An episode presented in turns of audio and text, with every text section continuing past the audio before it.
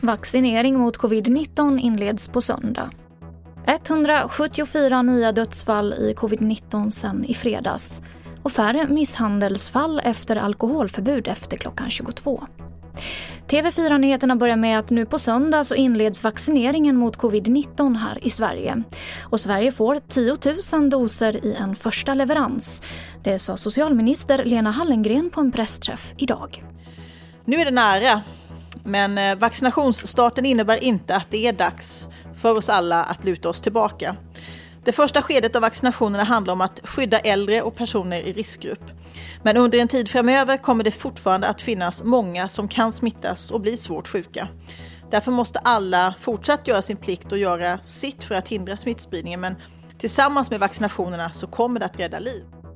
174 dödsfall har rapporterats in i covid-19 sen i fredags och totalt har 8 167 personer avlidit i sjukdomen i Sverige. Detta enligt Folkhälsomyndighetens senaste statistik.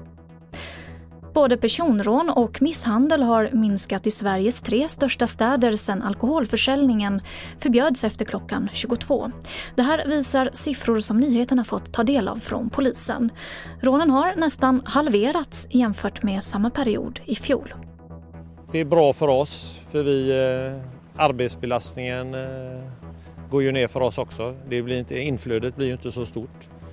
Förhoppningsvis kan vi jobba i kapp för de målsägarna som redan har drabbats, att, vi kan, att de kan få upprättelse. Det sa Ola Skogsberg som är polis i Göteborg. Och jag avslutar med att berätta att länge så var Antarktis en vit fläck på coronakartan. Men nu har viruset letat sig fram till planetens hittills enda smittfria kontinent. 36 personer på en chilensk forskningsstation har testats positivt för covid-19. Och det var det senaste från TV4 Nyheterna. Jag heter Emily Olsson.